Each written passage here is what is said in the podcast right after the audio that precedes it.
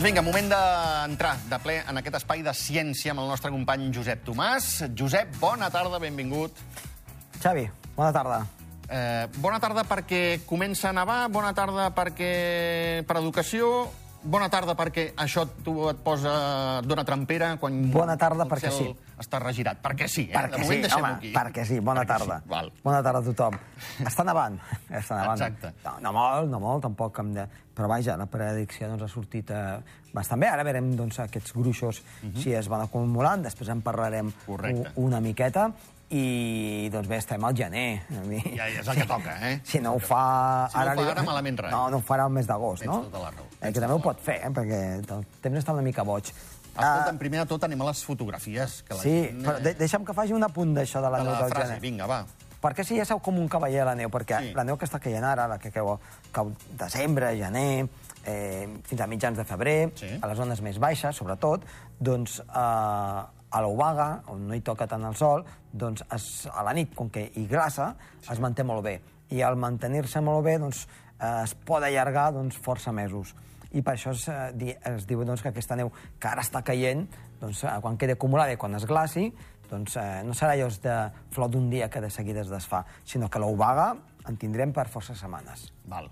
Eh? No, no és perpètua durant tot l'hivern, No. però quasi, eh? Vull dir, pot durar a l'alta muntanya sí, però a les zones Correcte, baixes, correcte. a l'Obaga, era allò que pels camins encara en tindrem. Com tenim neu, amb aquesta primera imatge que tot seguit anem a, comen a comentar, de, del Jordi, que són unes vistes del Carroi des d'Angolestès, Sí. i es veu doncs, el, el pic del Carroi amb eh, força neu, una neu caiguda doncs, eh, durant el cap de setmana de Reis. Primer va passar un front, després va, va haver-hi doncs, el, el vent amb, amb l'aire fred i les nevades, i per tant es veu aquesta humitat, aquests núvols baixos, aquests núvols una mica més, el, més alts, que és doncs, eh, les restes del front primer que va passar.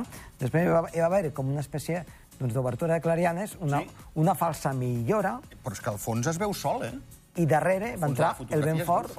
Va, va entrar el vent fort. Atenció, perquè això passa moltes vegades, eh? Anem a l'alta muntanya, passa un front, sembla que s'obri el cel, ens anem a la muntanya i ens agafa el torb. Sí. Eh? I amb el torb és molt perillós. Correcte. Hem de veure sempre les pre- prediccions meteorològiques, a veure doncs, què és el que diuen. Uh Mhm. -huh. I, I això és el que va passar. Es va obrir una miqueta el cel, eh, unes quantes hores, i després entrada de vent del nord i reactivació de la nevada. Perfecte. En la segona imatge Vinga, va. és molt maca, eh, ens l'envia el Nicolàs, és un, un halo, eh, en aquest cas, a Gran Valira. Són núvols, eh, es veu un, doncs, una capa de núvols Sí. eh, i s'entreveu una miqueta el sol, per tant aquests núvols no són prou densos per no deixar passar el sol, sinó que es veu una mica la fisonomia del sol Sí. i la llum, en passar a través dels, eh, dels cristalls de gel dels núvols, doncs forma aquest halo solar.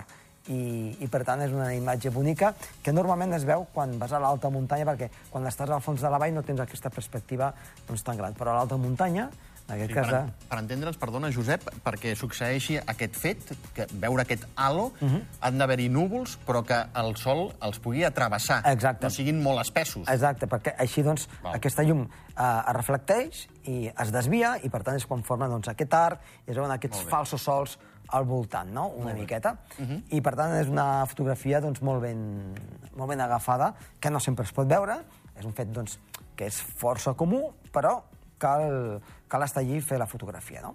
Anem cap a Creu Sants, va. Vinga, doncs aquesta darrera imatge que ens envia el Jordi, en aquest cas, de Creusans a la zona d'Arcalís, amb un bon tou de neu. Uh -huh. uh, això era ahir, Val. eh, al matí, i podem veure un bon tou de neu a la zona doncs, de Creusans, d'Arcalís, Sí. amb algun núvol de tipus alt, poca cosa. Eh, poc feia predir de que hores després, eh, 24 hores després, doncs ja hi estaria nevant. Hem vist doncs, eh, a la zona eh, de, de, doncs, de les valls del nord el nostre company Joan, Sí, eh, com estava sota una intensa nevada, que és doncs, aquest eh, primer frontet doncs, que ens està creuant i que doncs, arriba doncs, aquesta neu també cap a, al fons de la vall. I doncs, eh, més que res per testimoniar que eh, comença a haver una mica més de neu a l'alta muntanya. Molt bé.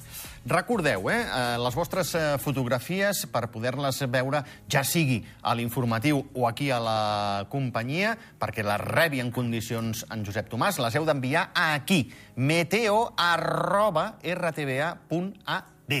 Allà el Josep les selecciona i les podreu veure aquí a Andorra Televisió. Josep, onada de fred, va. Sí, um, fa uns dies, a principis d'any, eh, va començar una onada de fred cap a la zona dels països escandinaus. I dius, home, pels països escandinaus sempre hi fa fred.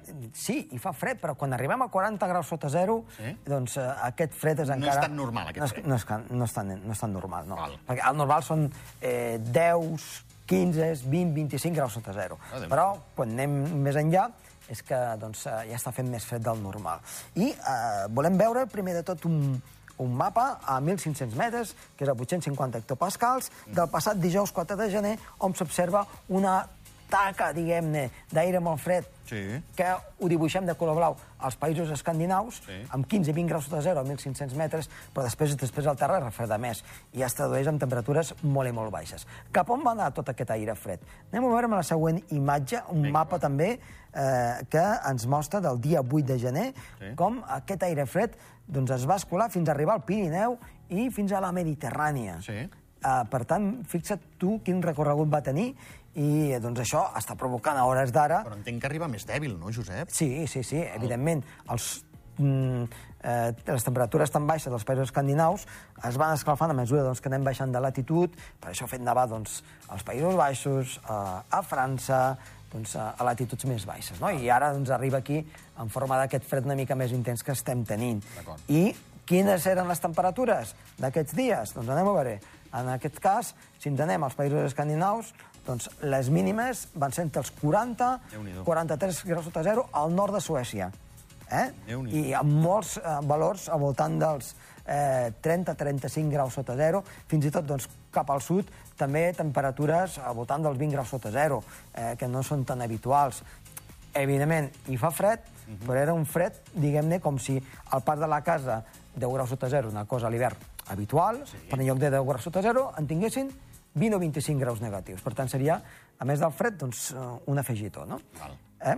I aquest fred és Però el sí que que... és anecdòtic, eh? Sí, Això sí, ja seria anecdòtic, diguéssim. Exacte. Val. Eh, I, per tant, doncs, aquesta onada d'aire fred doncs, s'ha anat estenent per Europa i, i és el que tenim ara mateix aquí, a, a casa nostra. I si et sembla bé...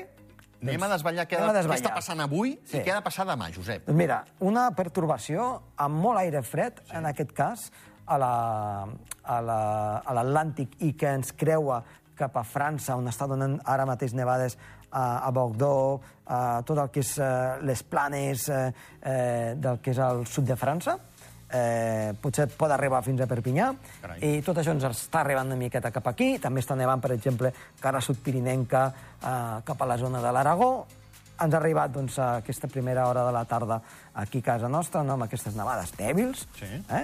Doncs eh, això, eh, en el mapa que podem veure tot seguit, aquest mapa d'acumulació de neu pels propers dos dies, ens marquen eh, 8-10 centímetres, per tant, poqueta cosa, per a totes les cotes.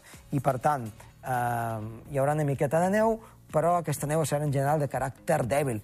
Puntualment pot haver una miqueta més cap al pas de la casa i zones properes, perquè és una perturbació doncs, que ve des de la Mediterrània, que reforça, de fet, a la Mediterrània, però vaja, la neu al gener doncs, és normal que aparegui a totes les cotes del país, poc o molt. Aquests 8-10 seria a parròquies altes Sí. i a mesura que, evidentment, anem baixant... Una mica parròquies menys, centrals, però- 5 centímetres? Com a molt, sí. Com a molt. Però eh, de tenir en compte, perquè si fos un front et diria, mira, cauran 10, 10, 10 centímetres. Mm -hmm. Al ser una perturbació que està deslligada de la corrent general, que després va a la Mediterrània i es dona la volta, Sí. què vol dir? Que agafa humitat des de la Mediterrània entrant cap a casa nostra pel pas de la casa, pot donar alguna sorpresa al llarg de demà amb algun calter ruixat. I en el següent eh, mapa veurem doncs, una mica més clarificador on eh, s'observa doncs, aquest aire fred que hi ha a la península ibèrica, eh, això dona fe de que les temperatures doncs, seran prou baixes perquè pugui nevar a cotes inferiors als 800, 700, 600 metres.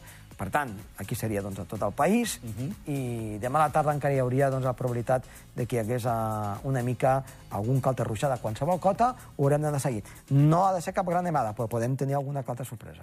Uh, la pregunta del milió i que molts s'estan fent. Els dominis esquiables, això serà suficient perquè per tenir una base i poder-ne fabricar de neu amb el fred eh, i, i, i, aquesta base de, De moment. 8, 10, 12 centímetres? D'ara i fins al cap de setmana, sí.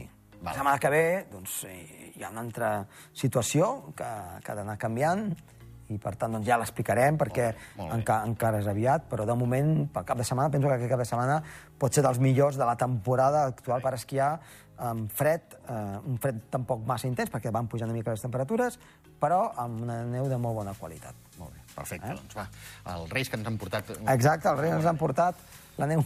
Uh, No molta, però una miqueta sí. Una miqueta sí, una miqueta. Ja en tenim prou de moment, mica en mica. Sí. Mica en mica s'omple la pica. Uh, ens recomanes una nova lectura, avui, de l'Albert de. Gràcia, no? Sí, sí, un company doncs, que viu a la, a la Seu i que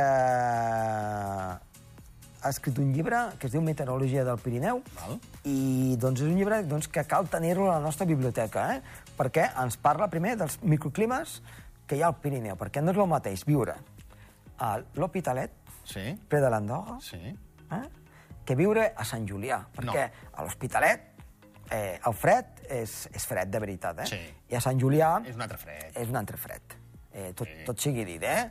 Tot sigui dit, eh? Ara, vés a l'Hospitalet, ara. Ja veuràs quin, quin temps hi fa allí i quines temperatures tan baixes, eh? aquí. eh? Aquí s'està molt bé, eh? Sí, sí, sí. De moment aquí... Cara nord és, és cara nord. Sí, home, sí. És... I, I també, doncs, les valls depèn com estiguin orientades, els pics, si està doncs, el Pirineu oriental no és el mateix que doncs, a- el Pirineu doncs, més central o occidental, on rebem més de l'Atlàntic, per tant, eh, totes les vicissituds de climes que podem tenir al Pirineu, més eh, perills que podem trobar eh, degut als, als fenòmens meteorològics doncs, que hi ha també al Pirineu, recorreguts i rutes meteorològiques del Pirineu per anar a observar doncs, eh, diferents coses que poden succeir, o, per exemple, ens podem anar al Cadí. Doncs mira, el Cadí és una bona zona on, on s'hi formen tempestes a l'estiu, no? Eh, degut doncs, a, a una sèrie de factors. No? Doncs això és una miqueta el que ens explica aquest llibre, que és molt recomanable, i, per tant, a totes les persones que el vulguin comprar, doncs eh, així els hi diem. Entre d'altres, eh, perills, eh, rutes, eh, microclimes, en fi, meteorologia del Pirineu, el llibre de l'Albert de Gràcia que avui ens recomana en Josep Tomàs. Josep, moltíssimes gràcies. Dimecres que ve, més. Molt bé. D'acord? Adéu-siau. Gràcies. I a tots vosaltres, tornem d'aquí res, res. No us mogueu perquè tornem amb Lara de Miguel, benvinguda a la realitat, el seu llibre que ens presenta, i després Enric Galí, benvingut al 2024. Ell és economista i volem saber què ha de passar aquest 2024. En parlem ara. Fins ara.